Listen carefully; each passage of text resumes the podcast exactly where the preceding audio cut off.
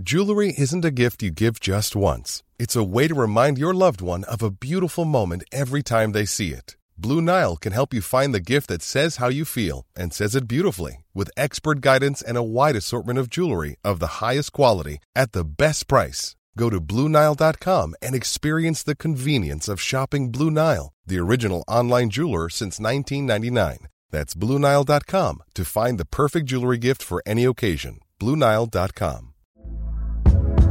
Hey there, it's Michelle Norris. I'm host of a podcast called Your Mama's Kitchen. When I travel, I'm usually looking for a way to find a taste of home when I'm not at home. And one of the things I love to do when I am at home is entertain. And Airbnb allows me to do that. When I was in California recently, I rented a house that had a great kitchen. And when we were sitting around the table, we we're all thinking, we're in someone else's house. Someone could be in all of our homes as well. If you have a home, but you're not always at home, you have an Airbnb. Your home might be worth more than you think. Find out how much at airbnb.com/slash host. Many of us have those stubborn pounds that seem impossible to lose, no matter how good we eat or how hard we work out. My solution is plush PlushCare. PlushCare is a leading telehealth provider with doctors who are there for you day and night to partner with you in your weight loss journey. They can prescribe FDA-approved weight loss medications like Wagovi and Zepbound for those who qualify. Plus, they accept most insurance plans. To get started, visit plushcare.com slash weight loss. That's plushcare.com slash weight loss.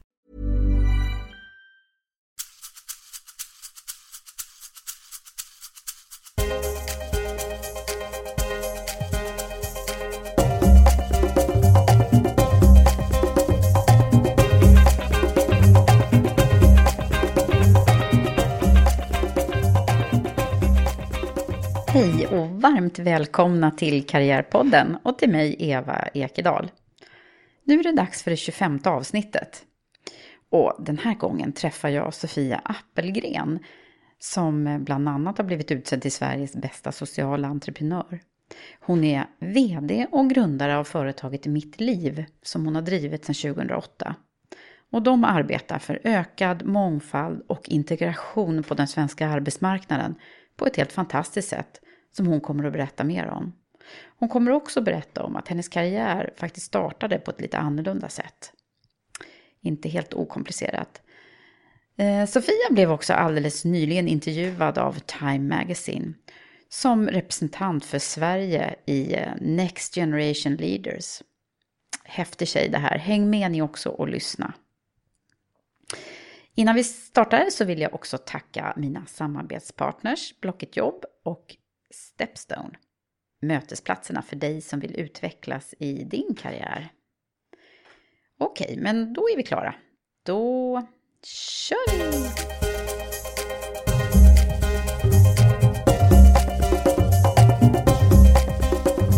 Välkommen Sofia! Tack så jättemycket! Kul att vara här! Ja, och har kommit från Göteborg idag. Idag? Ja, Jajamensan. Vad härligt. Ja. Och då så har jag ju, det var så här, jag fick ju tips om att du måste intervjua Sofia Appelgren i, i Karriärpodden. Från två håll kom det tips liksom, Oj. nästan samtidigt. Eh, och då började jag ju googla, gud vem är den här Sofia? Ja. Och eh, hittade ju massa spännande grejer, verkligen. Och när man, när man börjar läsa så är det ju ett ord som liksom kommer tillbaka hela tiden. Och det är så här, det här måste ju vara en superentreprenör, tänker jag. Mm, kul. Ehm, är, är det så? Är, är du liksom en född entreprenör eller? Ja, vilken bra fråga. Jag tror att eh, ja, det är nog någonting som har präglat hela min uppväxt och mitt sätt att vara och eh, jag har ju blivit medveten. Andra har talat om för mig att jag är en entreprenör. Det är inget jag har gått och tänkt själv utan det har ju mer handlat om att hitta lösningar på problem som uppstår i vardagen men också i samhället och i världen omkring oss. Att, att hela tiden vara påslagen kring lösningar och att, att det som kanske har skilt mig från, från andra med många kloka idéer det är att, att gå från idé till handling går väldigt fort. Ja. Eh, och kanske att det skulle vara Just det, det, ja, det har ju hänt för mig då. jättemycket kring dig och du ska få berätta Mm. ditt, livs historia. Men, Ja. men jag tänkte också på det här med, du fick ett pris som Årets sociala entreprenör 2013. Mm.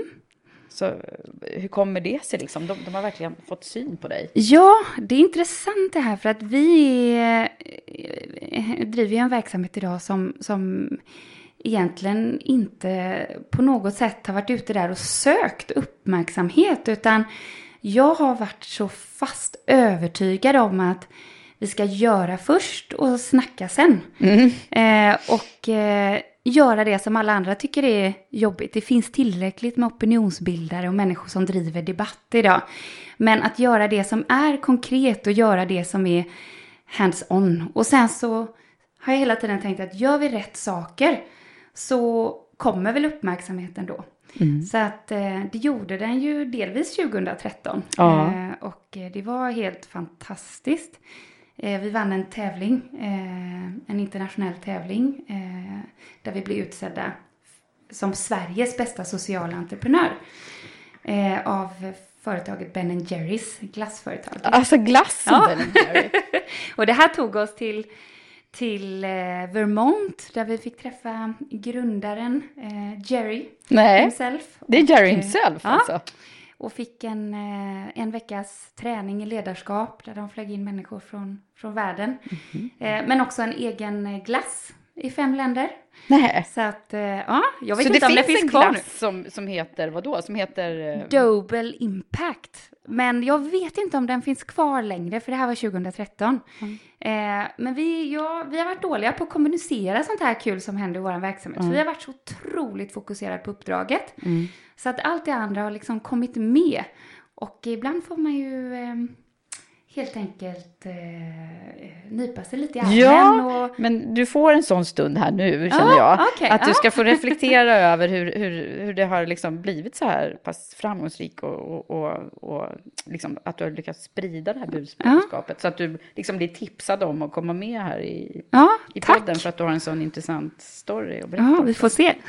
Eh, ja, men vad började det hela då? Alltså jag, jag såg ju lite grejer där om ehm, den här salladsbaren. Ja. Ska, vi, ska vi börja där, eller vad vill du börja? Ja, vi kan börja där så har vi betat av den här Ja. salladsbaren som förföljer mig överallt eh, hela tiden. Men i allt mindre utsträckning ska jag säga. Ja. Jag startade, jag blev, min man och jag blev lite överraskat gravida där när jag var mitt i universitetet och pluggade. Och eh, vi tänkte att, att vi kan inte ge kanske det här barnet eh, all, all, allt materiellt. Eh, men vi kan ge barnet kärlek och vi, vi fixar det här liksom. Jag var 22.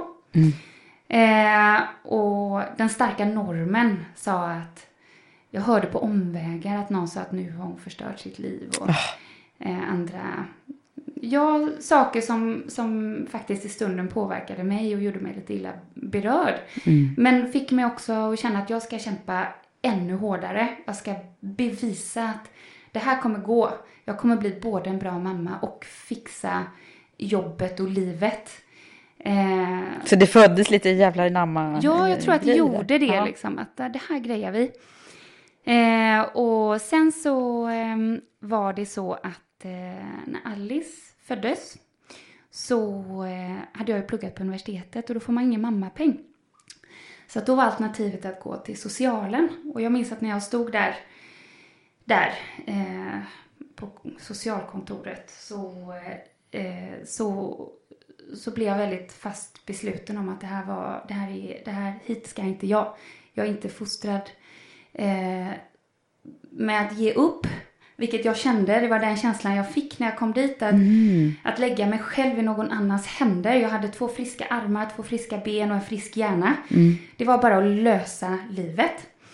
Så att eh, då bestämde vi oss för att eh, eh, helt enkelt testa och starta en restaurang. Ja, för att få För ekonomiska... att få ekonomi, för att få bröd Ja. på bordet. Ja. Och det gjorde vi då. Och då hade vi ju liksom kämpat massor med det här och gett oss 17 på att att fixa det eh, med integriteten och självkänslan i behåll. Eh, vilket eh, gjorde att kanske känslan av då när facket kom och, och talade om för oss att vi är dåliga arbetsgivare och vi, vi eh, gör det inte på det, eh, ja, helt enkelt som de, de eh, uppfattade oss som mm. dåliga arbetsgivare och det var vi inte. Jag var så övertygad om att vi gjorde rätt saker. Mm. Men det var ett kollektivavtal ansvar. som de ville att ni ja. skulle... Ja. Så att de ville att vi skulle skriva kollektivavtal och eh, sättet de ville att vi skulle göra det på upplevde jag var otrevligt. Och eh, eh, vi blev kallade till förhandling och den förhandlingen handlade helt enkelt om att gör ni inte som vi säger så, så får det allvarliga konsekvenser. Mm. Och det var mycket i den dialogen som inte stämde överens med varken min människosyn eller det som jag i grund och botten tror på. Eh, jag är inte religiös men jag är helt och fast övertygad om att vi måste behandla våra medmänniskor eh, som vi själva vill bli behandlade helt enkelt. Mm. Och eh, då spelar det ingen roll vem det är, eh, hur det är, utan med den grundläggande respekten för varandra så, så blev det en krock. Mm. Och eh, det innebar att vår restaurang var blockerad i fyra månader. I grunden har jag liksom aldrig varit emot facket. Tvärtom. Det är mm. klart att vi ska stå upp för människors rättigheter. Och det var också det som blev en krock i min värld. Men här kommer några och försöker, men vad händer nu? Jag hängde inte med helt enkelt. Vad, vad, vad blev det för insikter då som landade ner hos dig ja, efter det här? Ja, nej men det är dels då att tala att, alltid sanning, mm. för då kommer du ihåg vad du har mm. sagt. Mm. Men också vara var sann mot dina värderingar. Mm. Att låt dig inte liksom trampas på, utan är det det här du tror på och står på, så gör det hela vägen ut. Rid ut den här stormen. Mm. Men, men vackla inte med dina värderingar. Och eh, vi, vi blev ett politiskt slagträ i en debatt som vi aldrig kunde styra. Mm. och, eh, och blev lite så att ni fick statuera exempel? Jo, massor sätt. överallt. Och jag bestämde att jag ska inte in i den debatten. Mm. Det här är vad jag står för och det kommer jag göra hela vägen oavsett vilket parti som driver frågan på vilket sätt. Eh, och jag tror att det tjänade oss eh, lite längre fram. Mm. För att det blir inte politik för mig utan det handlar bara om att att människor som, som satsar och investerar och tar ansvar ska inte klubbas ner av en, en, ett stort maskineri utan tvärtom, man ska ju uppmuntras och få mm. rätt förutsättningar för att växa och, och ta ansvar. Men vad hände? Ni fick lägga ner eller? Nej, alltså man kan säga att fyra månader eh, påverkade oss jättemycket därför att jag vägde väl ja, långt under 50 eh, kilo. Och Oj.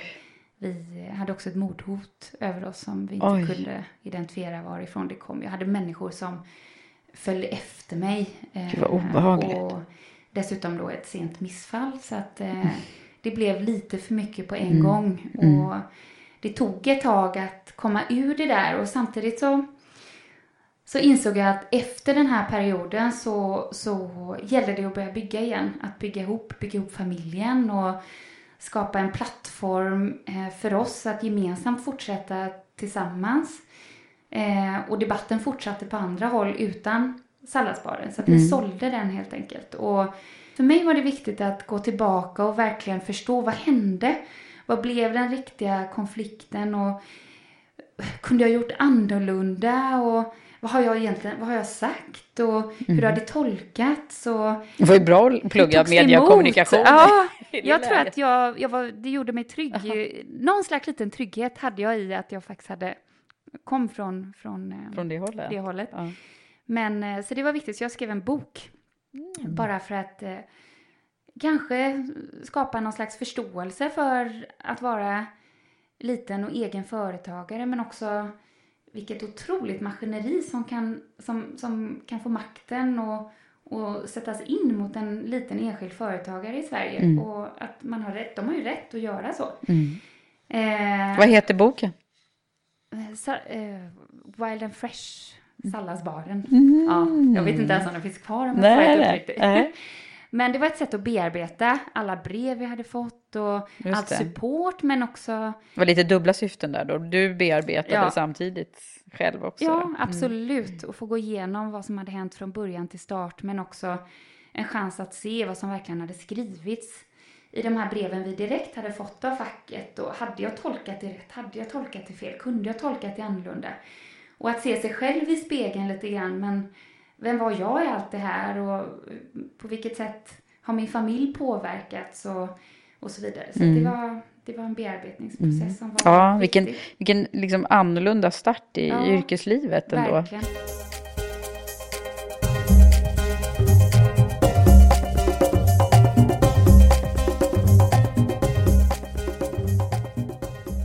Vad hade du liksom, vad hade du tänkt från början egentligen? Att, ja. Vad hade du för drömmar när du var, när du var liten tjej?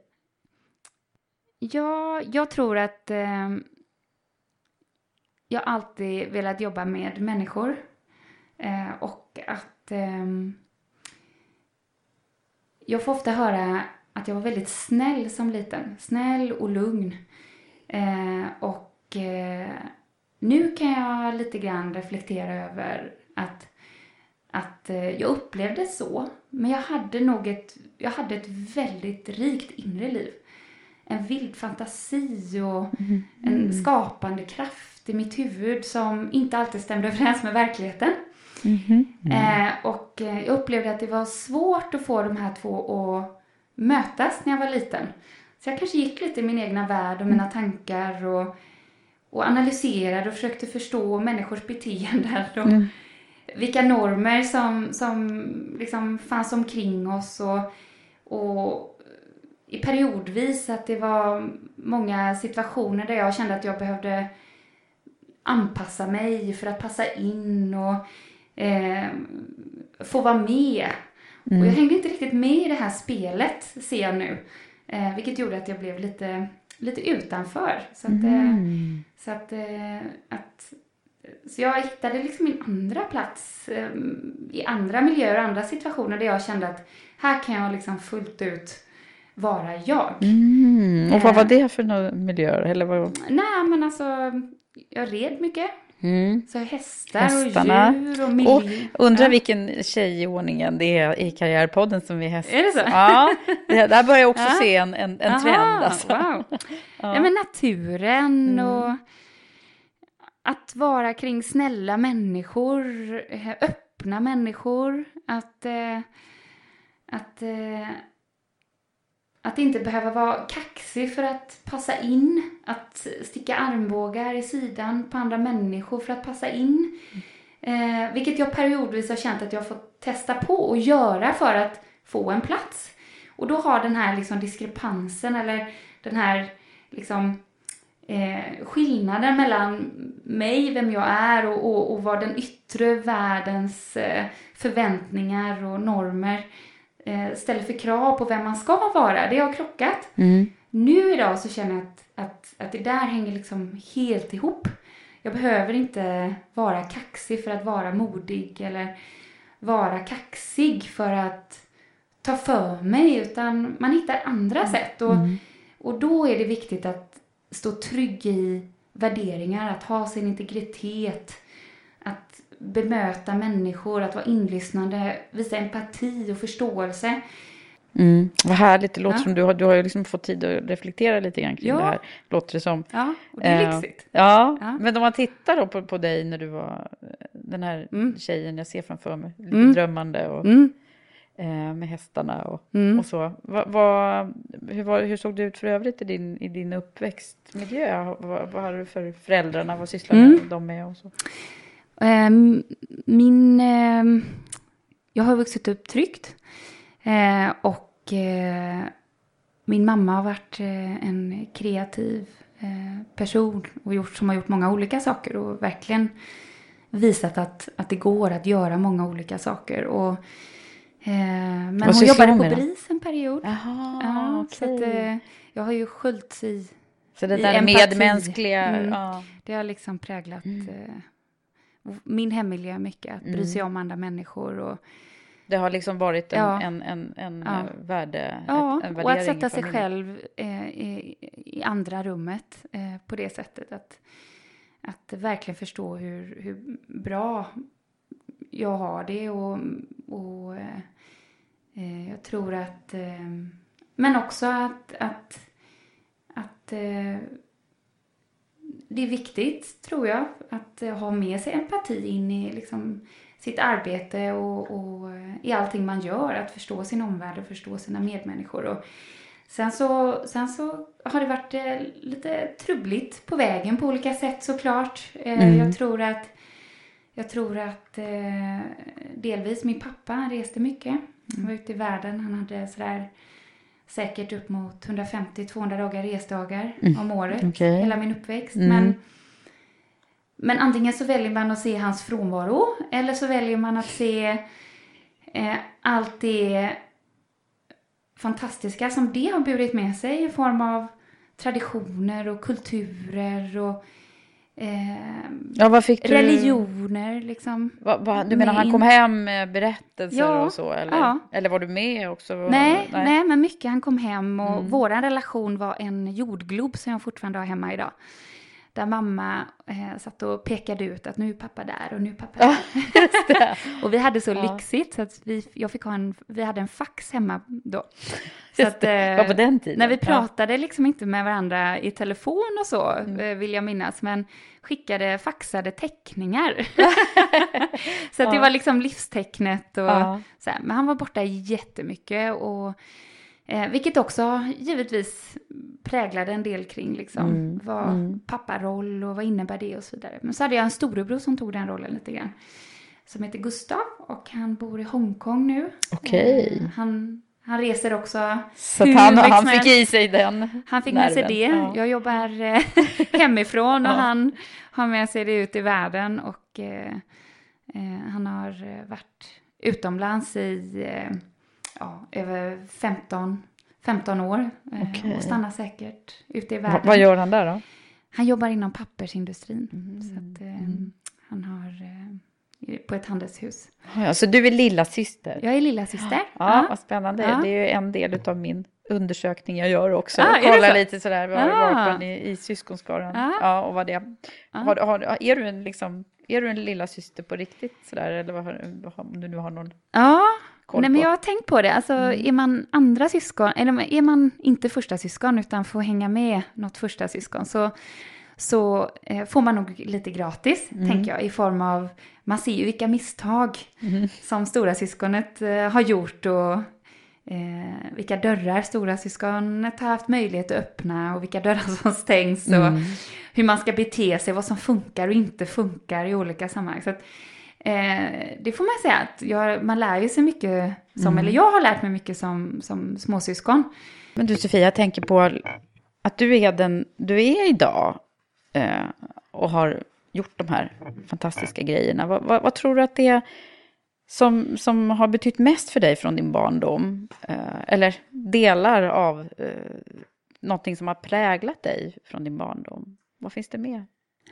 Det finns många olika saker, men jag tror att eh, det här medmänskliga som jag bär med mig från tidig ålder, det kom utav eh, att dels att jag gick på ett, en förskola som, eh, som Frälsningsarmén eh, driver fortfarande idag. Mm, okej. Morgonsol. Mm. Eh, och eh, en ja, egentligen religiös eh, kristen förskola. Eh, och trots att jag inte är religiös idag så får man ju med sig väldigt mycket värden, en, en värdegrund eh, som handlar om hur man är mot sina medmänniskor helt enkelt. Att man bryr sig om sina medmänniskor. Och jag har så här, jag har tidiga minnen av att vi gick på julen och sjöng eh, i Frälsningsarméns kyrka för dövstumma. Och det är klart att en, en sån situation sätter igång mycket reflektioner och tankar hos ett barn. Att eh, här står jag och sjunger för någon, någon som inte kan höra, Ja. men de ser. Och vice versa, någon som inte ser men kan höra. Att, att, att få en förståelse och empati för, för andra människors behov och, och eh, att se att man kan göra saker eh, som betyder något eh, trots att varandra. förutsättningarna inte, inte är, är som de vanligaste. Mm. Och, Så var det eh, där den här empatiska sidan som, som du har så starkt föddes, tror du? Jag tror det. Mm. Jag tror att det, jag fick med mig så mycket därifrån kring, kring människor och hur vi, hur vi är mot varandra och att bry sig om varandra och att sätta andra i främsta rummet och, och så vidare. Så att eh, det, det har präglat mig och Mm. eh, ibland tänker jag att jag ska åka tillbaka och besöka förskolan bara för att se hur det ser ut. Och, ser ut ja, jag har starka minnen Ja. därifrån faktiskt. Gud, det där är ju något som man skulle önska att alla fick lite i sig på något ja, sätt. ja, vi glömmer det ibland. Mm. Livet går, allting går så fort idag. Och, och att stanna upp och prata värderingar med sina barn. Mm. Det tror jag är så otroligt viktigt. Och framförallt i, i världen som den ser ut som Mm. idag. Och jag satt i soffan eh, häromdagen och kollade på nyheterna. Och eh, så ser jag min lille Viggo som då är, han är inte så lite längre men han är, han är sju. Och så sitter han och blundar jättehårt och håller för öronen. Och så eh, klappar jag honom lite och säger, vad är det? Vad är det som, är det något du tycker är otäckt? Ja, det är alla människor som flyr. Kan du byta kanal? Alltså, man ska inte glömma det att barnen blir så otroligt påverkade också av allt som händer i vår omvärld. Och att det är viktigt att prata om det och inte bara lämna de känslorna kvar hos barnen utan faktiskt prata om, om hur man kan hjälpa till eller Ja. eh, hur de också känner och att det är väldigt många människor där som är precis som vi. Fast vi hade turen att, att födas i ett land i, i fred. Eh, men att, att göra det på ett barns sätt så att det blir förståeligt och inte bara förklara ja. läskigt. Man Ja. behöver liksom förklara och följa upp lite allt som, som händer eh, och som de också tar del av idag. Och, och det fick vi verkligen på, på min förskola. Vi pratade mycket om de här frågorna. Och värderingar och... Eh, Och vet att jag tänker på när, jag, när mina barn var små, det är ju eh, väldigt länge sedan. Mm. Men då, då gick jag och lyssnade på en psykolog som föreläste om barnuppfostran typ. Mm. Det var väl lite svävande själv hur jag skulle bete mig kanske. Men, Ja. men eh, och hon sa så himla, som ord som fortfarande ringer i mina Mm. öron. Eh, och det var att det, den viktigaste uppgiften vi har som föräldrar, Mm. det är att lära våra barn empati. Och det är Ja. liksom, eller hur? Det är Mm. lite det du också far efter här. Ja, liksom, verkligen. Mm. Ja, Häftigt. skicka med det. Men sen också tror jag att eh, alltså, livet med Serdar, att, att få en hel släkt i Turkiet har ju också varit en, en eh, Ja. liksom, Hur har det varit? stor eh, grej. Mm. Därför att vi har ju ett liv i Istanbul idag eh, fullt av härliga människor och Mm. sysslingar till barnen. Och, Men hur har de tagit emot dig då? nej men helt på- fantastiskt, Mm. verkligen. Det har bara varit nyfikenhet och glädje och värme och gemenskap och pussar och kramar och nyp i kinden. Ja. Ja. man, man är, vi har inte det här liksom fysiska avståndet som man Nej. växer upp med i Sverige mellan varandra utan det är kramar och pussar och ja. de tar i barnen på ett helt annat sätt. Och, Det var lite mer så här, det feta grekiska bröllopet. Ja men verkligen, det är verkligen så. Det är så kul att barnen får det. Därför att det är, världen ser olika ut. Och det, det är viktigt. Det, tar, det har jag med mig verkligen. Att plocka, plocka russinen från kakan. Alltså om vi har nu liksom en stor kaka av olika kulturer och perspektiv och erfarenhet och sådär. Att liksom plocka det bästa av det. Och att barnen får, får ta del av båda de här världarna. Det, det känner jag att det är jag så stolt över.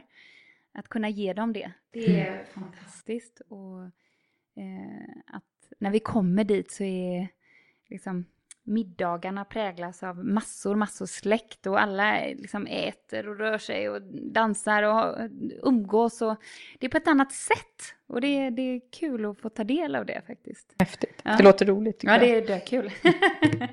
ja.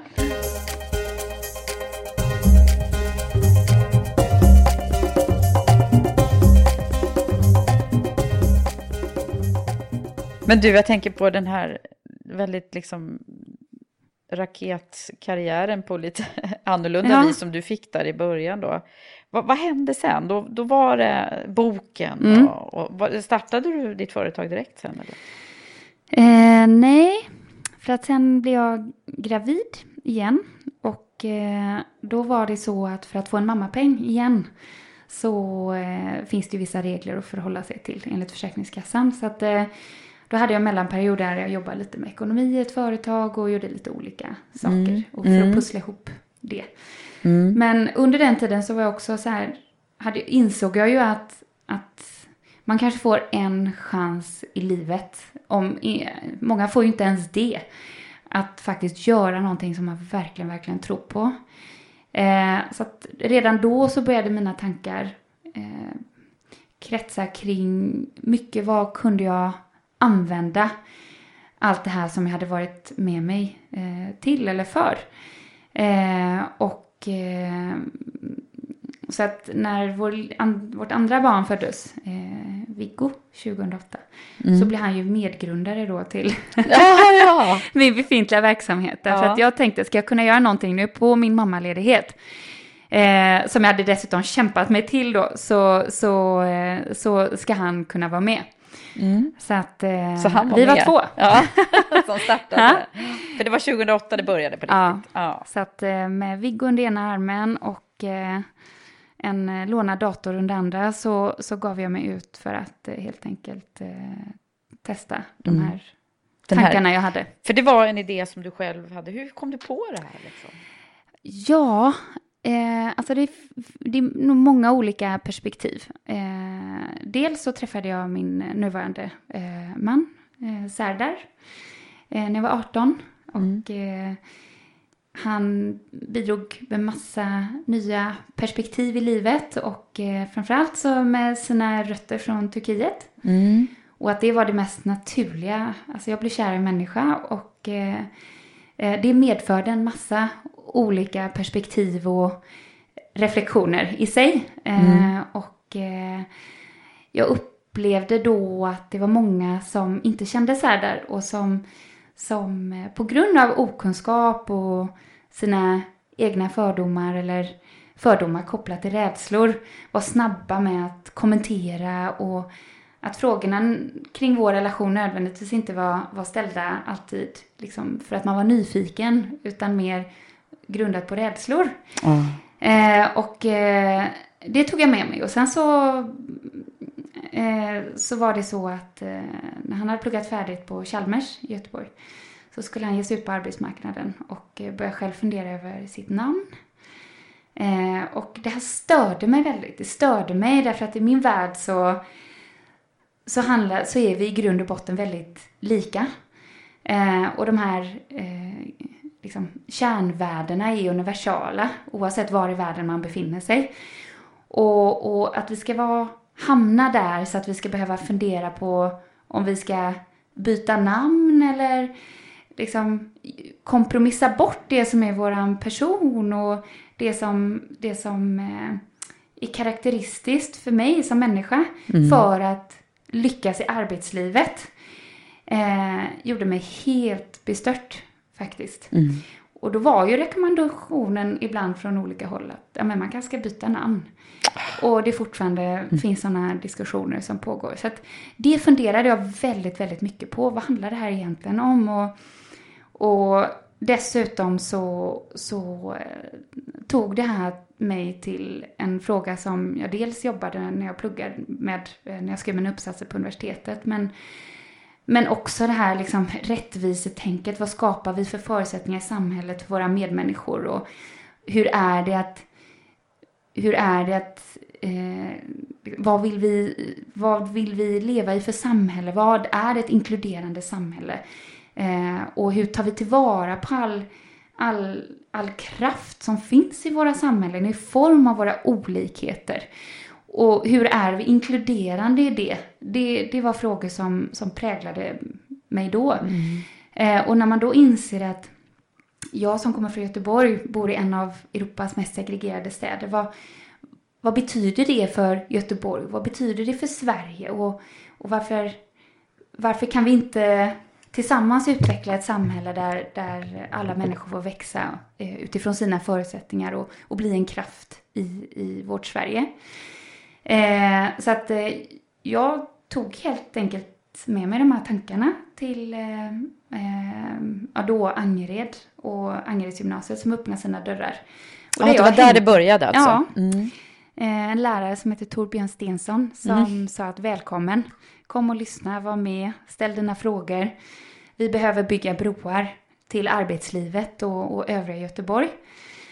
Så att eh, jag spenderade faktiskt ett tag där, eh, många veckor, och samlade på mig liksom egna... Mm -hmm. Det låter så dumt när jag berättar om det här idag. Nej. Men jag gjorde det i alla fall. Jag ja. hängde där. Ja, du hängde där. och samlade på mig lite så egen forskning är ju stort att kalla det, men, men eh, egna reflektioner då. Eh, grundat på vad jag ville skapa för något.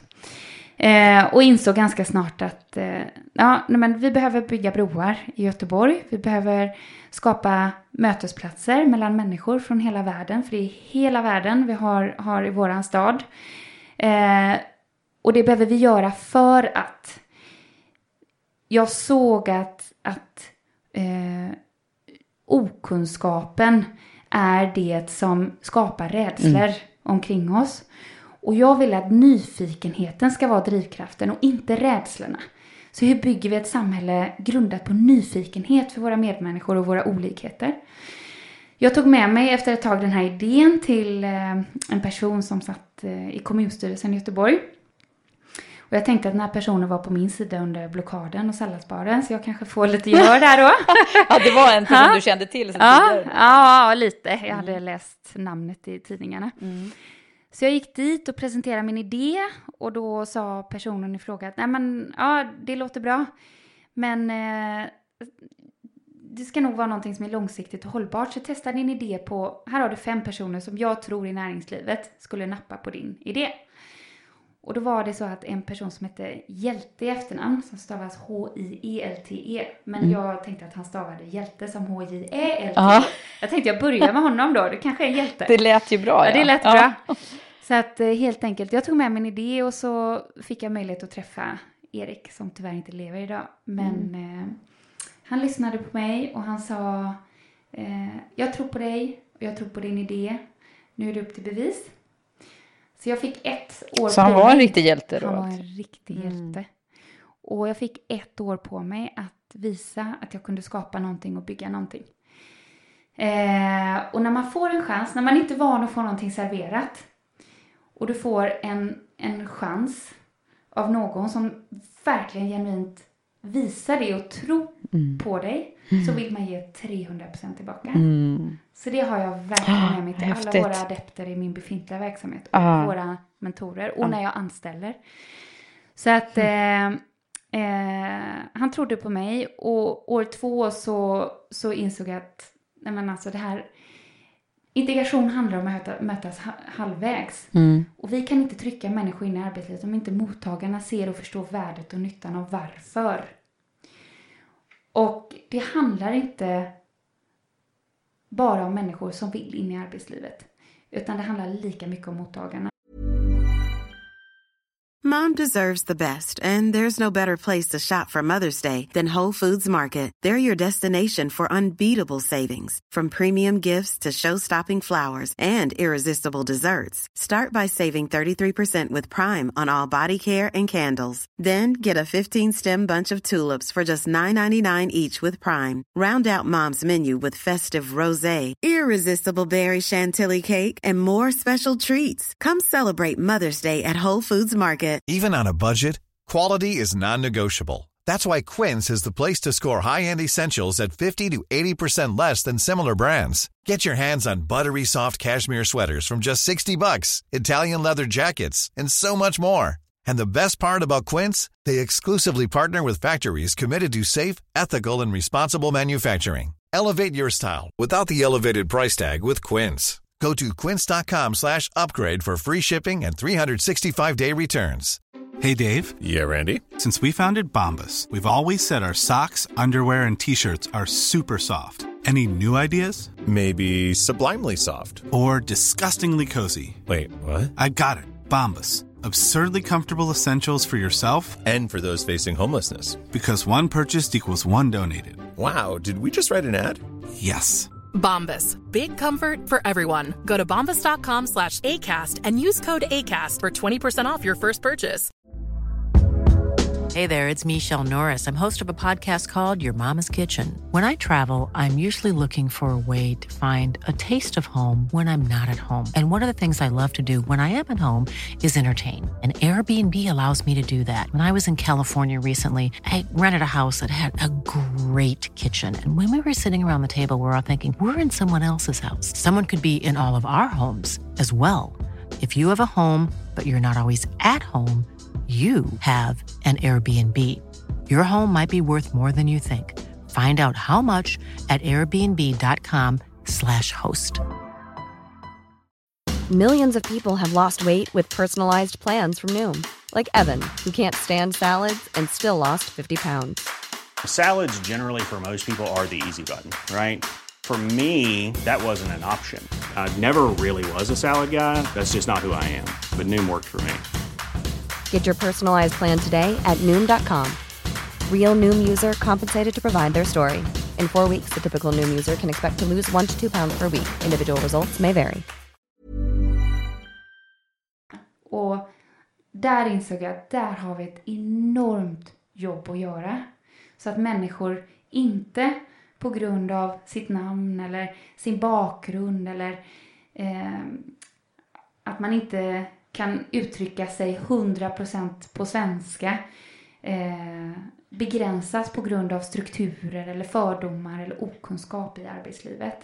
Utan att få mottagarna att se vilken otrolig resurs vi går miste om om vi låter eh, den typen av saker begränsa människor att komma in. Och det är också såg att liksom, Sverige kan man nästan visualisera utifrån två dörrar. Den ena dörren är in till Sverige och den är öppen. Och den andra dörren är in till arbetsmarknaden och den är låst. Och det är den dörren vi måste öppna om vi ska jobba med integration långsiktigt. Eh, och eh, därefter så har liksom mitt Så har det tagit fart. Så vad, vad bygger, det här är grunderna då som Mm. du beskriver nu, men vad, Mm. vad går det ut på själva din, din affärsidé? Rent praktiskt. Ja, alltså vi jobbar idag med två målgrupper. Eh, vi pratar om att integration handlar om att mötas halvvägs. Vi är ett socialt företag eh, som arbetar för ökad mångfald och integration på den svenska arbetsmarknaden.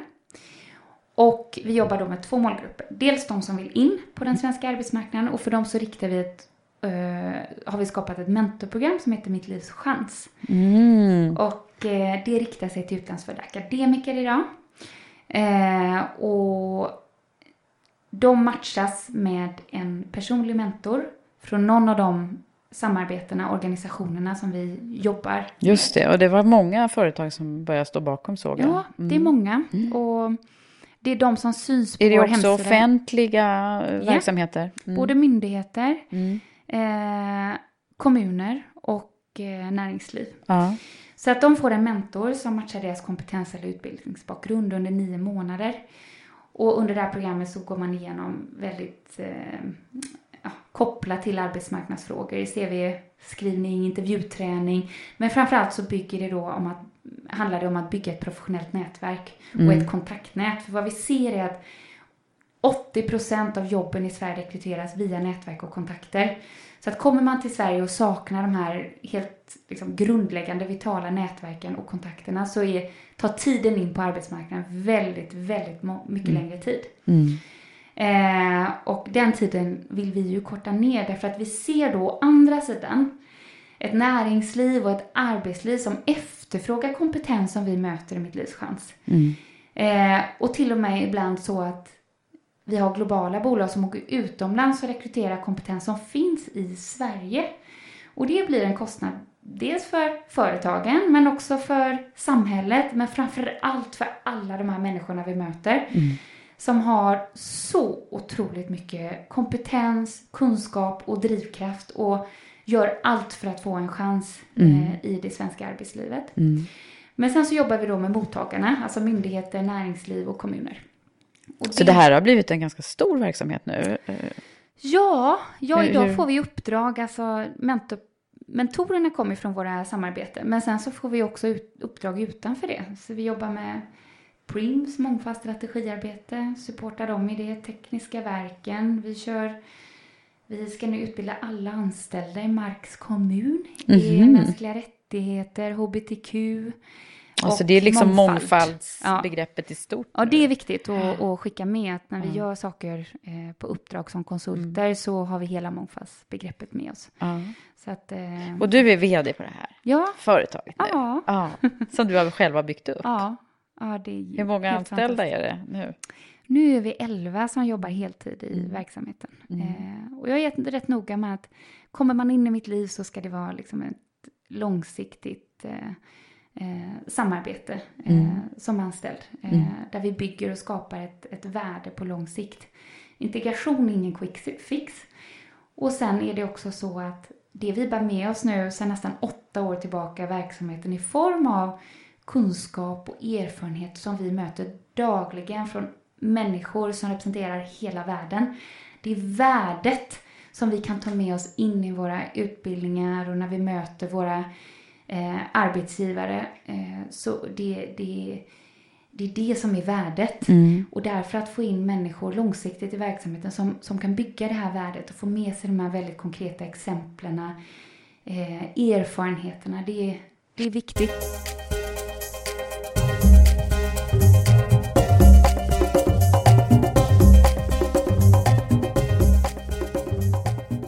Hur, hur har det varit då? Alltså då är det, ju, det är ju några år nu då som du har hållit på. Ja. Eh, om man liksom skulle ta ett eh, provstick och prata med någon som har varit mentor i, i den här typen av Mm. mentorprogram. Mm. Vad, vad säger de då?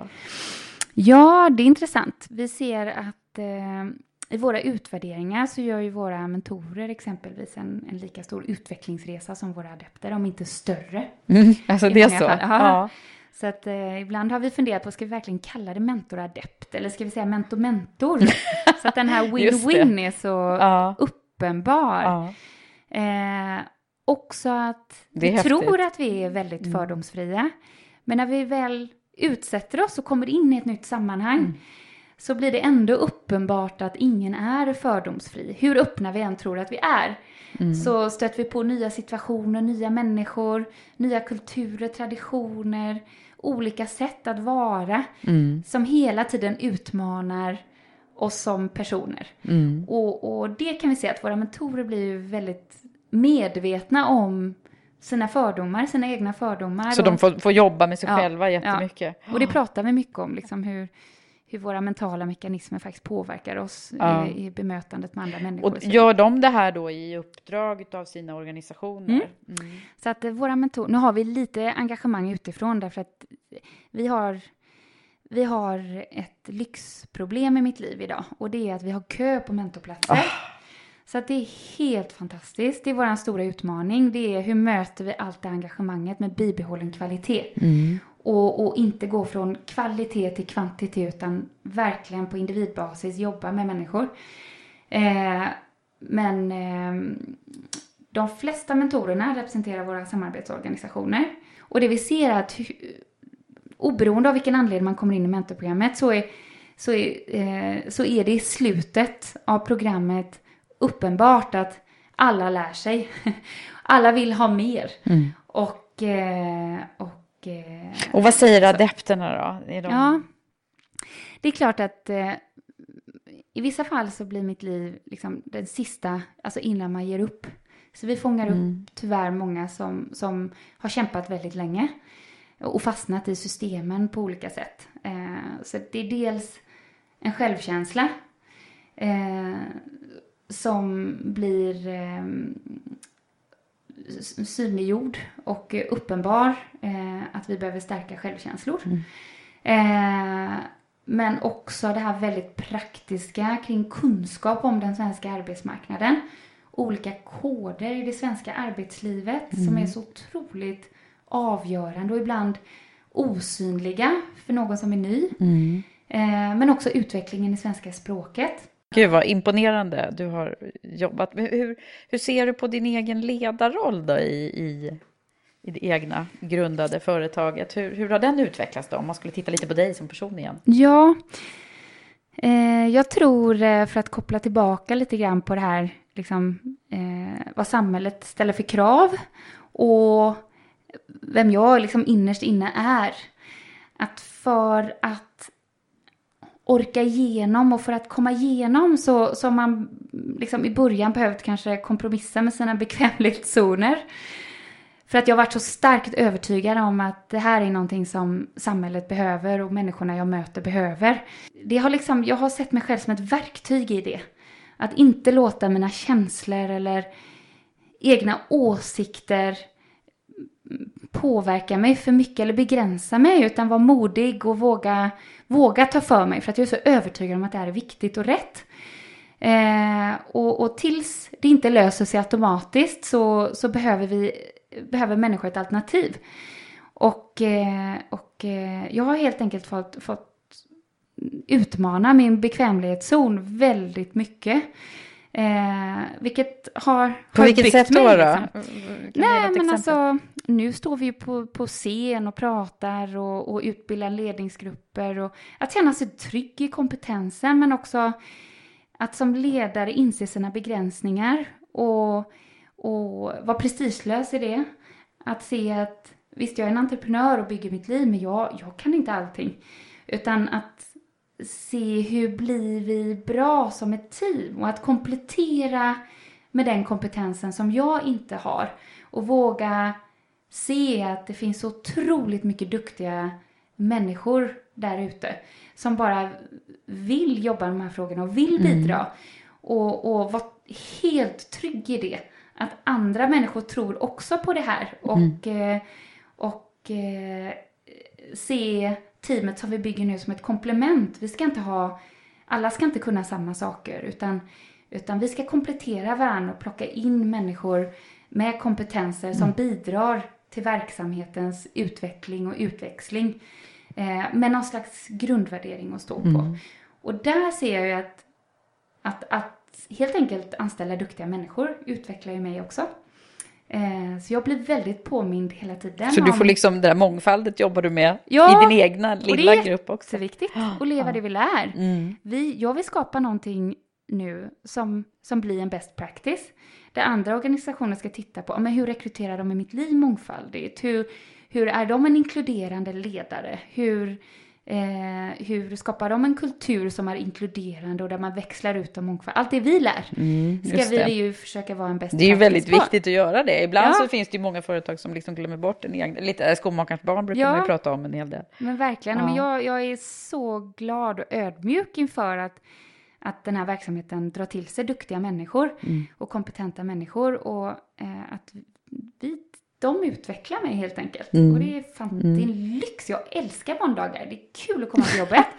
Det Gud vad härligt. Så. Ja, ja, det är så det. här, det här vill man höra från Ja. många. Men jag Du- kan inte alltid, vill jag skicka med. Jag kan verkligen inte allt. Och jag, det är viktigt att vara inlyssnande och ha den här egna spegeln hela tiden att påminna sig om vad gjorde jag bra idag och vad gjorde jag mindre bra idag. Och att skapa en företagskultur som är öppen, det är också en utmaning i det, därför att man får höra mycket. och det är viktigt att få göra det och att inte ta det personligt utan mer tack. Feedback är bra, det är superviktigt. Och då måste man befinna sig i en kultur där man kan både ge feedback men också få feedback. Det Just det. tänker jag är viktigt Mm. i mitt ledarskap. Ja.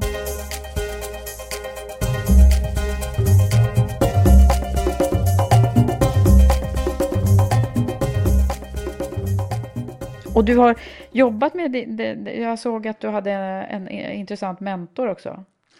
Själv.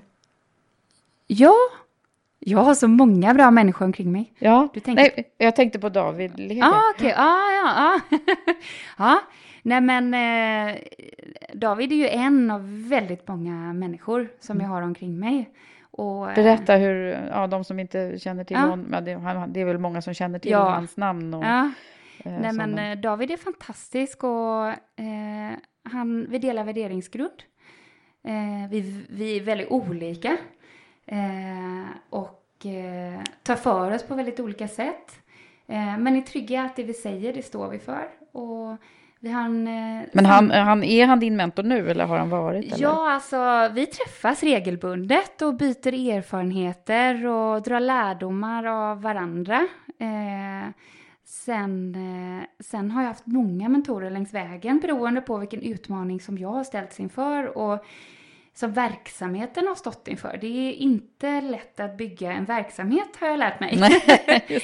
Med allt det man vill och alla ambitioner man har och att dygnet har bara ett visst antal timmar. Och Jag vill heller inte rädda världen på kompromiss med mina barn som kommer stå när de är vuxna och undra undra, mamma räddar världen men de fanns inte där för oss. Mm. Och det, är- det är viktigt Ja, att hur hitta löser den du den balansen. där Ja. lilla ekvationen då? Ja, nej men alltså det här är lite en livsstil så att det, det för ju med sig att familjen är engagerade på många sätt. Men Ja, Vad Men, gör eh, mannen? eh, min man har precis startat eget också. Mm. ja, inom fastighetsbranschen, så ett eget fastighetsföretag. Okej. Så att eh, det är jättespännande att vara två entreprenörer i en familj. Mm. Så att det är klart att det präglar våra barn, men samtidigt så eh, får man ju inse att dygnet har 24 timmar och, och jag har försökt identifiera, okej, här har vi jobbet, här har vi familjen och här är det sociala. Och det får jag väl ändå säga att det sociala hinner jag inte med. Så Nej, är det bara. okej. Så att förlåt alla vänner där ute. Jag- Du får chansen nu att jag prata hoppas med att dem. jag får ge tillbaka Mm. eh, av hela mitt hjärta när tiden kommer. Och det har varit mycket med att vara ung, unga föräldrar, Mm. eh, inte några förebilder omkring som har haft små barn. Våra kompisar har ju inte haft barn. Nej. Så att, att, eh, att vi har inte haft någon att jämföra oss med. Har försökt skapa vår egna värld i det här och dessutom då starta och driva en verksamhet. Mm. Men, Men, det- tycker du inte att det finns också en hel del, man brukar ju också, jag menar egenföretagarlivet pratar man det är ju Mm. också en frihet i det, även om man Absolut. jobbar alldeles för mycket Ja. emellanåt, så är, Ja. tycker jag, som också har varit egen mellan varven, Ja. att, att det ligger väldigt mycket av det, bara känslan av Ja. att, att, att det är en frihet. Ja, nej men det är det verkligen. Mm. Nej, men jag älskar det. Jag älskar det så mycket. Och den här känslan av att kunna påverka och skapa. Man skapar sin dag. Och jag tror att jag växer när jag får varje dag komma till jobbet och ge min energi och ge lite av mig själv till mina kollegor så att de når sin fulla potential och får sin frihet på jobbet. Eh, men, eh, men det är också viktigt att, att eh, liksom hitta sätt att hinna reflektera. Därför att vi kör på nu. Det går i Mm. 150. Mm. Eh, och eh, Ja, ni har ju fått otroligt stopp. mycket uppmärksamhet Mm. och, och eh, Mm. jag fick ju alldeles nyligen se här att till och med The Time, Ja, eller Time ja. Magazine, Ja. eh, hade uppmärksammat er också. Det är det- helt fantastiskt. Ja, men det är helt galet. Och man blir väldigt ödmjuk, ödmjuk inför det faktum att vi är ju inte så stora egentligen. Nej, Nej. Men, men något unikt eh, är det Ja. som du har skapat här. Ja, det är nog så. Vi känner, vi har ju ingen konkurrens. Jag tänker på det här att du är liksom ung och tjej och Mm. relativt ung i alla fall. Ja, Hur, hur, hur har du liksom blivit bemött? Med, tror du att det har påverkat på något sätt? nej, därför att jag, jag, tror, jag tror liksom på jämlikhet. Eh, och är en, en stark humanist i grunden. Och jag vill inte tro att det ska begränsa eller påverka. Men Mm. sen är jag inte så naiv. Så att jag ser ju att visst har det funnits situationer där jag blir klappad på, på huvudet eller där, där ett mejl som går ut till eh, olika personer eh, och, och kan skilja sig om det, det är riktat till män respektive mig som, som kvinna, att man har ett, kanske olika språk eller... Mm. Eh, så att... Eh, sen så tror jag att... Sen tror jag att de liksom... Eh, jag låter inte det påverka mig, utan det, det handlar mer om att, ja, nej men någonstans, man kan inte fly. Man kan inte fly när det blir lite jobbigt eller man känner att, att eh, det här var inte rätt, utan jag tror att det rätta är att bara fortsätta. Bara köra på, mata på, Mm. finnas kvar. Jag är här. Mm. Om det gör dig obekväm eller om det på något sätt eh, påverkar dig så att du känner att du behöver behandla mig annorlunda på grund av det. Om jag finns kvar över tid och står upp för det jag tror på och, och inte låter mig påverkas eh, Mm. Mm. på grund av det så, så, så kommer en förändring. Eh, men inte om jag börjar skrika och gorma och eh, liksom eh, så. Utan, Men du har inte gett dig in i alltså. debatten kring Nej, kvinnor och, och nej men jag tycker den är viktig Mm. som tusan. Mm. Mm. Den är superviktig. Mm. Och inte minst för att jag lever i en, en 100% jämställd relation. Och då har min, min man kommer ju ändå från, från eh, eh, ett land eh, eller en kultur där, där, eh, som är i en, en förändring. eh, där kvinnor allt mer börjar ta för sig. Eh, Mm. Kan jag se i våran släkt då i, i Istanbul. Och Turkiet att, att det är i en förändring. Men de här fördomarna vi har kring, kring vad olika religioner eller kulturer bär med sig, de behöver vi också ifrågasätta. Mm. Eh, Så att vi lever i en otroligt jämlik eh, relation. Mm. Och det är, det är någonstans grunden tycker jag, jämlikhet. Att skapa en plattform för alla människor. Oavsett religion, tradition, eh, kultur men också könsidentitet. Alla de här perspektiven. Mm. Ålder. Alla människor har ett värde men vi är olika. Men det här att alla människor har ett värde, att liksom jämlikhet måste vara grunden. Det är det som är Mm. Sverige. Och det är det som är eh, så viktigt att utgå ifrån för att Mm. eh, Och det är det du verkligen också brinner för. Så Ja, det, det, ja. Verkligen, jag hör och tar in allt Ja. du säger. Tycker det låter fantastiskt. Om man nu skulle kika på det här med, med eh, nu har du chansen att få också prata eh, kring dina erfarenheter och vad, vad du har liksom hittills lärt dig Mm. på, på den här resan som du har startat. Vad, vad är det som du vill ge för tips till, till andra, kanske unga tjejer som, Mm. som inte riktigt har valt vad de ska bli eller hur de ska bete sig? Mm. Nej, men jag tror... Eh, för mig har det varit viktigt att hitta förebilder. Att hitta människor som, eh, eh, som står för det jag står för. Eh, men inte nödvändigtvis bara, utan titta på och omge mig med människor som har olika perspektiv och olika erfarenheter och olika utgångspunkter och, och lära mig av det verkligen. Eh, att inte bara omge mig med eh, eh, eh, lika tyckare utan våga utmana mig eh, själv och mina värderingar och vad jag står för genom att omge mig av, med olika, olika perspektiv och olika människor. Så att sätta mig i olika miljöer helt enkelt, där Mm. jag ser sida, nya sidor hos mig själv. Eh, men också givetvis vara modig. Modig, mod. Mod är ett eh, viktigt ord. Att, eh, att, eh, ja, att vara modig, att, att ta för sig helt enkelt. Och eh, jag vill verkligen stå för någonting annat än det här med kaxig och att armbåga sig fram. Jag tror att det finns andra sätt att ta sig fram. Att vara modig och stå för det man tror på. Vara ambitiös. Och, men också våga ge feedback när man tycker att någonting är fel. Någonting är fel och man upplever det så tycker jag att, att man ska säga det också. Eh, och inte bara köpa allt man ser omkring sig utan, utan våga De var våga uppriktig säga- och ärlig där. Var uppriktig och ärlig, ja precis. Mm. Eh, och sen så att nu har jag ju kanske inte, nu har delvis har jag en styrelseordförande idag som är min direkta länk eller chef. Mm. Eh, och eh, jag tror att det är jätteviktigt att, att välja chef. Och det behöver nödvändigtvis inte vara en person som, som är som du. Men en person som utmanar dig och som bidrar med nya perspektiv. Och som däremot liksom har en grundtro på dig. En, en tro på att du kan och att du, du, eh, du eh, ja, uppmuntrar, uppmuntrar initiativtagande och en grundtro på att du kan helt enkelt. Just det. Det tror jag är viktigt. Men också att tilltron. man en chef som tillåter dig att misslyckas. Det vill jag vara i vår verksamhet. Mm. Eh, att, att, eh, att få misslyckas, det tror jag är jätteviktigt. Det är så vi lär oss. Mm. Mm. Tycker du att det är så det har varit lite i din i början Ja, på din bara. karriär där?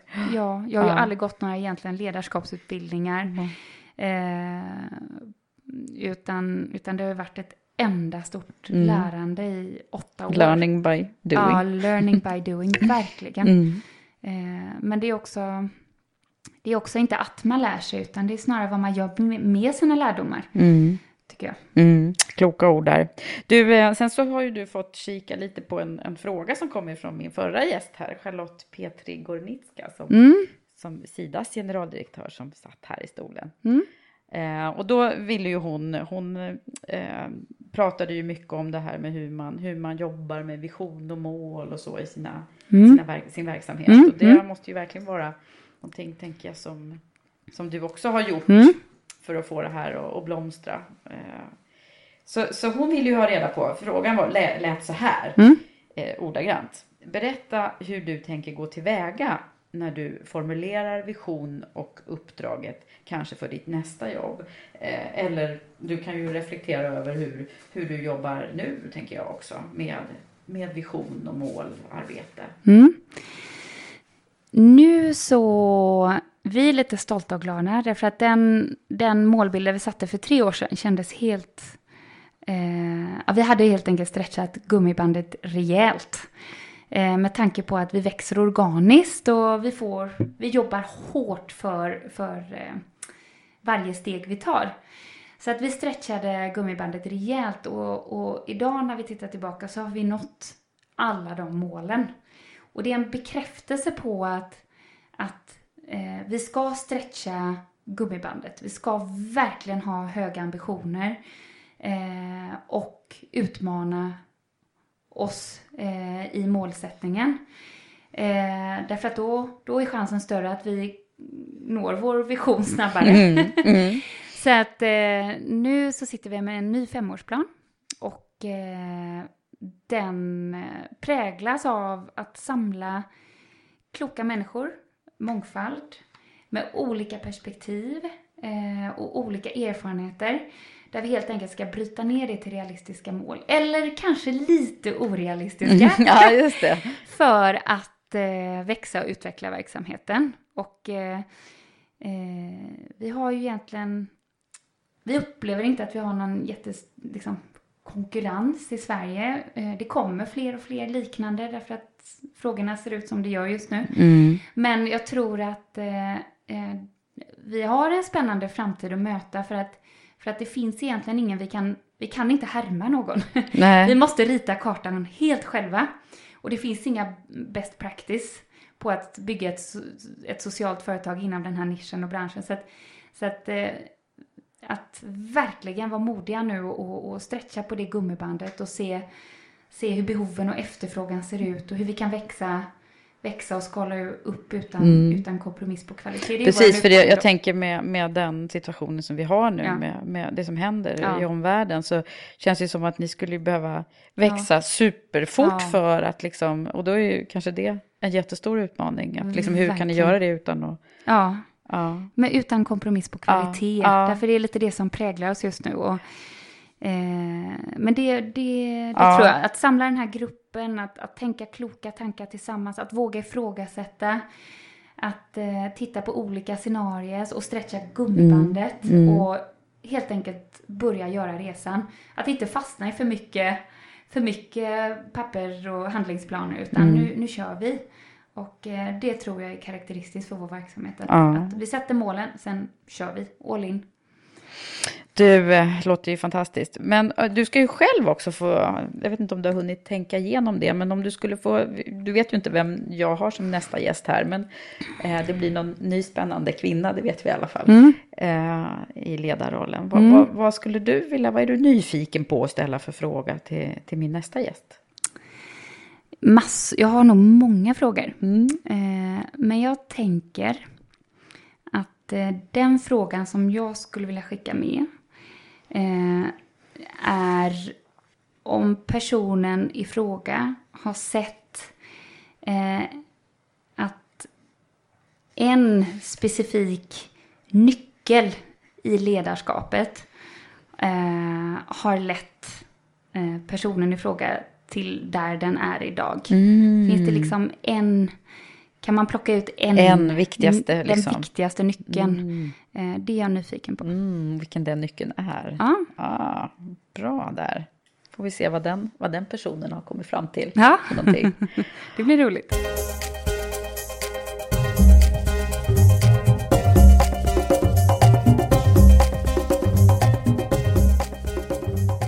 Ja, vad spännande Sofia. Så kul att höra dig berätta om det här. Och jag tänker också hur, hur du själv tar dig an liksom, den här ja, både publiciteten och, och, det som händer nu med Mm. att, att, eh, ni har liksom, att ni har lyckats så bra med att Mm. formatera den här Mm. Ja, företagsidén som ju är lite grann mitt emellan. Du blev ju, ni blev ju utvalda till Göteborgs bästa företag här alldeles nyligen va? Också. Ja. Som är liksom både, hur formulerar du det där? Du sa det ju så bra förut. Ja, alltså eh, andra är ofta bra på att definiera eh, och sätta personer i fack. Så Mm. att eh, det här med socialt entreprenörskap är ju någonting som, som andra har definierat eh, Ja. mig som social entreprenör. Ja. Det visste jag inte, det var liksom inget självändamål att bli social entreprenör. Jag visste inte vad det var. Förrän eh, det var Ashoka, en global organisation, som hittade mig och, och definierade mig som det. Just det. Eh, men eh, eh, det behöver nödvändigtvis inte vara kopplat till ett socialt företag. Men ett socialt företags enda mål det är att hitta innovativa lösningar på samhällsutmaningar, men med marknadsmässiga metoder. Just det. Och det låter jättetjusigt, men det gör att vi rör oss i eh, något slags mellanland idag mellan det ideella och kommersiella och det offentliga och privata. Mm. Och när man jobbar med integrationsfrågor, när vi jobbar med integrationsfrågor, så tror vi att det är viktigt att, att möta alla de här perspektiven för att skapa någonting som är långsiktigt och hållbart. Men för att finnas över tid så måste vi bygga någonting som, som också kan växa av egen kraft, varav det marknadsmässiga då. Men med ideella och samhällsnyttiga mål och syften. Så att alla intäkter eh, i verksamheten är ju det som gör att vi kan skapa fler platser för våra adepter. För att det är kostnadsfritt programmet då. Men, eh, men det är en utmaning därför att jag tror det var någon forskare från Göteborgs universitet som var uppe på kontoret för ett tag sedan som sa att det finns 77 registrerade bolag av den sorten vi är idag. Och det är inte många och varav hälften eh, ligger vilandes eller har gått i konkurs. Så att vi driver ju mitt liv som ett socialt företag med en bolagsform som är lite speciell och okänd. Och den heter ABSVB. Jaha. Och det står för särskild vinstutdelningsbegränsning. Och det är en liksom formell... eh, Får jag lära mig någonting nytt? Ja. Har du talas så? Nej, men det innebär att vi enligt lag får inte dela ut pengar till några ägare, utan allting ska återinvesteras i verksamheten. Och eftersom jag bara drivit företag även innan salladsbaren så, så är det de här mekanismerna som jag känner igen och som, som jag tror på kan skapa långsiktighet och hållbarhet. Eh, och eh, eh, därför är det häftigt att se att det funkar. Det funkar. Men vi har inga ägare som egentligen, de finns där. Men de ställer inte krav på, på vinst för deras egen skull. Utan, utan vinsten ska återinvesteras. Samtidigt som vi då pratar... Helt och hållet? Helt och hållet, 100 procent. Ja, 100%. Och det är också det som gör att vi pratar eh, näringslivets eh, språk. Eh, 100% transparens, offentlig redovisning. Alla de här delarna som är så viktiga i för att bli trovärdiga eh, spelar en viktig roll i vår verksamhet tror jag. Mm. Så det Det är, är lite liksom verkligen i, Ja. i gränslandet mellan Ja. ideellt och Ja. det vanliga företaget. Ja, det skapar liksom, eller jag hoppas att vi kan vara med och påverka i det här och, och skapa en, ett nytt slags företagande helt enkelt. Det är lite kul. Det goda företaget Det låter goda, det som. ja, hoppas. Gud ja, vad vi har börjat den här resan, den är inte slut. Nej. Du Sofia, om vi skulle runda av lite grann här Mm. Vad, vad är det som, vad är det för fråga som, som jag inte har ställt som, som jag borde ha gjort? Ehm, jag vet inte. Jag tycker du har täckt mycket. Faktiskt. Eh, ja, jag tänker att inget särskilt. Nej. Det är vad jag kommer på. Men eh, jag tänker att eh, det finns många så här kloka, stora, visa ord om saker. Och Barack Obama säger någonting väldigt, väldigt bra. Och någonting som jag tror är viktigt i den tiden vi befinner oss nu. Eh, och det är att eh, change will not come if we- we wait for some other person or some other time. We are the change we're looking for. We are the change that we seek. Och jag tror att det är väldigt viktigt. Alltså vill man skapa förändring så kan vi inte varken skylla på andra eller lägga det ansvaret hos någon annan utan att eh, Det är vi själva som det ska själva som ska förändra och vara del i den förändringen. Vad coolt. Så det blir mitt Det var, det avslutande var ord. jättebra avslutningsord Tack. tycker jag. Tack Kul. snälla Sofia för Tack att du har varit här. Tack.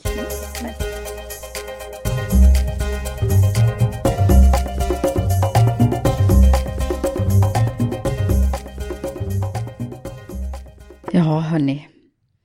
Nu efter att ha lyssnat på Sofias historia och tagit del av hennes tankar och fina värderingar är jag uppfylld av att vad starkt det är att höra hur hon brinner för det hon har byggt upp och, och står för. Och jag tänker också att det blir dubbelt så starkt när någon också gör det utan att vara det minsta kaxig. Ödmjukhet och en eh, empatisk livssyn är det man verkligen känner att hon utstrålar, men ändå på ett väldigt starkt och eh, övertygande sätt i sin retorik.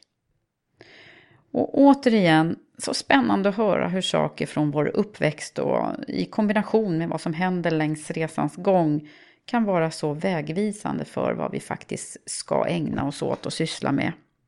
Jag tänker också att vad bra och vilken lycka att vi har såna här entreprenörer som Sofia som skapar så mycket nytta. Fler sådana. Stort tack Sofia och lycka till. Jag vill också säga ett stort tack till mina samarbetspartners, Blocket Jobb och Stepstone, som är mötesplatserna för dig som vill titta på möjligheterna att utvecklas i din karriär. Tack också alla ni som har lyssnat. Och fortsätt gärna att höra av er till mig och följ Karriärpodden på Facebook, Instagram, LinkedIn och Twitter. Vi hörs snart igen. Hej hej!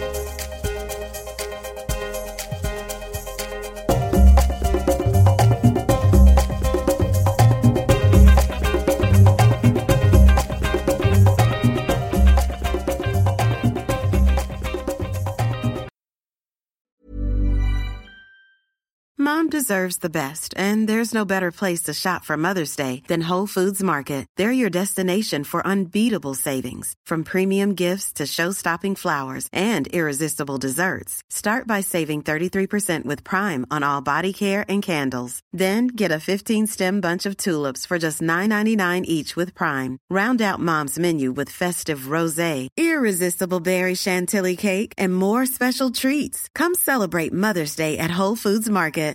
Hi, I'm Daniel, founder of Pretty Litter. Cats and cat owners deserve better than any old fashioned litter. That's why I teamed up with scientists and veterinarians to create Pretty Litter. Its innovative crystal formula has superior odor control and weighs up to 80% less than clay litter. Pretty Litter even monitors health by changing colors to help detect early signs of potential illness. It's the world's smartest kitty litter. Go to prettylitter.com and use code ACAST for 20% off your first order and a free cat toy. Terms and conditions apply. See site for details.